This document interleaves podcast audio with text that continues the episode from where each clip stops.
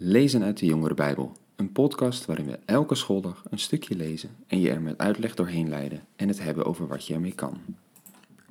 Dag jongens en meiden, goed dat je weer luistert naar een nieuwe week, een nieuwe aflevering van de podcast, waarin we weer verder gaan waar we vorige week gebleven waren. Vorige week hadden we gelezen over de opstanding van Jezus en wat dat betekent. Kijk, eigenlijk, hè, dat is natuurlijk wel wat we vaker al hebben gezegd en gelezen en gehoord. Het is echt de kern van wat we geloven. Dat Jezus is gestorven en opgestaan. Daar draait echt alles om. Er zijn dus ook best wel meer teksten die daar iets over zeggen. Over wat het nou precies betekent dat Jezus dat gedaan heeft. En deze week gaan we dus meer van dat soort teksten lezen. Want dan kunnen we nog iets breder uitwerken waarom dat nou eigenlijk zo belangrijk is allemaal. En we beginnen vandaag met een stukje uit de Efezebrief. Dat is een brief die schreef Paulus een beetje aan het einde van zijn leven. Hij zat toen in Rome, gevangen. Nou hij mocht wel mensen ontmoeten, hij had een eigen huis, maar hij zat daar wel gevangen. En hij schreef toen een brief naar uh, de gemeentes eh, waarschijnlijk meer dan alleen Efeze. Maar daarin gaat hij ook weer over wat er gebeurd is doordat Jezus is gestorven en opgestaan praten. Ja, dus laten we daar een stukje van lezen uit Efeze 2. Daar zegt Paulus: U was dood door de misstappen en zonden waarmee u voorheen de weg ging van de God van deze wereld, de heerser over de machten in de lucht de geest die nu werkzaam is in hen die God ongehoorzaam zijn. Eens leefden wij allen net als zij. Wij volgden onze wereldse begeerten en alle aardse verlangens die in ons opkwamen en stonden van nature bloot aan Gods toorn, net als ieder ander. Maar omdat God zo'n barmhartig is en de liefde die Hij voor ons heeft opgevat zo groot, heeft Hij ons, terwijl wij allen dood waren door onze zonden, samen met Christus levend gemaakt. Door genade bent u gered. Ja, hier lezen we eigenlijk een beeld wat we al vaker hebben gezien hè, van Paulus. Dat hij praat over ons nu alsof we al zijn gestorven en opgestaan. Hè, dat was dat het oude leven dat je had voordat je ging geloven, dat dat is verdwenen, soort van dus is doodgegaan. En we zijn opgestaan in een nieuw leven een bekend beeld bij Paulus. En wat zegt hij dan? Toen we nog niet geloofden, waren we dood door onze misstappen en zonden.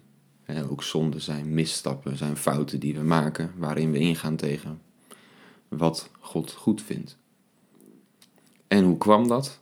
Dat kwam omdat we beïnvloed werden door, nou, hij noemt het hier de God van deze wereld de heerser van de machten in de lucht, een geest. En eigenlijk is dat gewoon de tegenwerker, de Satan, de duivel, die in ons werkt, die ehm, ook aan ons trekt. Het is dus wel degelijk zo dat als wij gewoon onze weg gaan, dat er bepaalde invloeden aan ons trekken en ons verleiden om een bepaalde kant op te gaan. En hij zegt dus, als je niet gelooft en niet met God leeft, dat je zo anders leeft dan, dat komt dus ook omdat de tegenstander aan je trekt en je dan van God wegtrekt. En het gevolg daarvan is dat je dus leeft naar, je, naar alle aardse verlangens die in je opkomt. Ja, je houdt geen rekening met God dan. Dus ook geen rekening met wat God een goede manier van leven vindt. Nou, dat is dus hoe je leeft als je niet gelooft. Tegelijkertijd staat er, God hield zoveel van ons dat Hij ons daaruit wilde halen. Hij heeft ons daardoor levend gemaakt, een nieuw leven gegeven en ons gered door genade.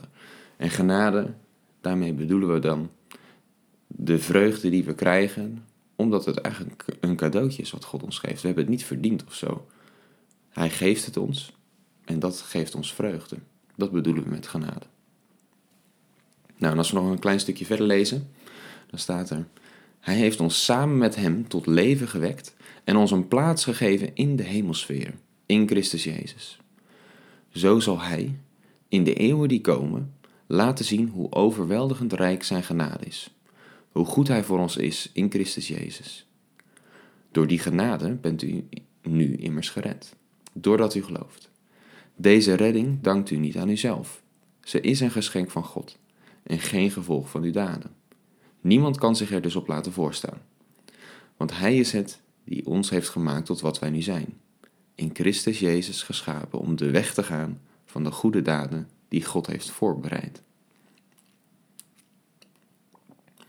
Ook hier staat dus, we zijn gered door wat Jezus heeft gedaan. Nou, wat, wat betekent dat dan? Nou, hier staat uh, dat we dus tot leven zijn gewekt, maar dus ook een plaatsje hebben gekregen in de hemel. Ja, wat, wat dat precies betekent, dat wordt verder ook niet uitgelegd. Dus daar weten we eigenlijk niet zoveel van. Is dat iets wat nu al zo is? Of gaat dat over de toekomst? want we, we weten dat er in de toekomst een moment komt dat Jezus terugkomt. Dat wie dan overleden is, weer levend zal worden. En de rest een nieuw lichaam krijgt en dat we met Jezus mee de lucht ingaan. Dat lezen we op een andere plek. En hebben we ook eerder met elkaar gelezen. Hier staat dus dat we een plekje in de hemel krijgen. En door wat God allemaal met ons doet, dus door ons leven zo te veranderen, door uh, ons een plek te geven in de hemel, uh, door ons zo uh, dit alles te geven, ons te redden uit genade, ja, daarin laat hij dus ook aan anderen zien hoe groot zijn genade is.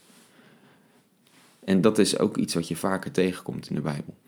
God geeft het geloof niet zozeer alleen maar zodat wij een ticket naar de hemel hebben, maar hij, hij gebruikt juist degene die hij nu al het geloof geeft, om aan de anderen, die nog niet God zo kennen, iets van zichzelf te laten zien.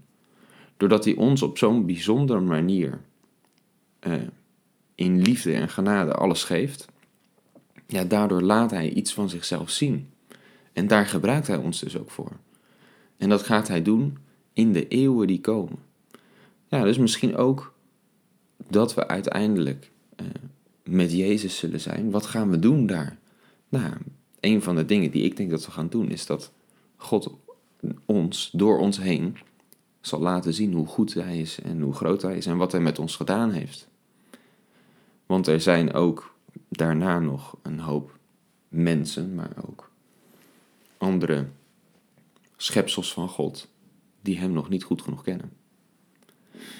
Ja, en wat mogen we nu al doen? Dat staat hier eigenlijk ook al. Hè?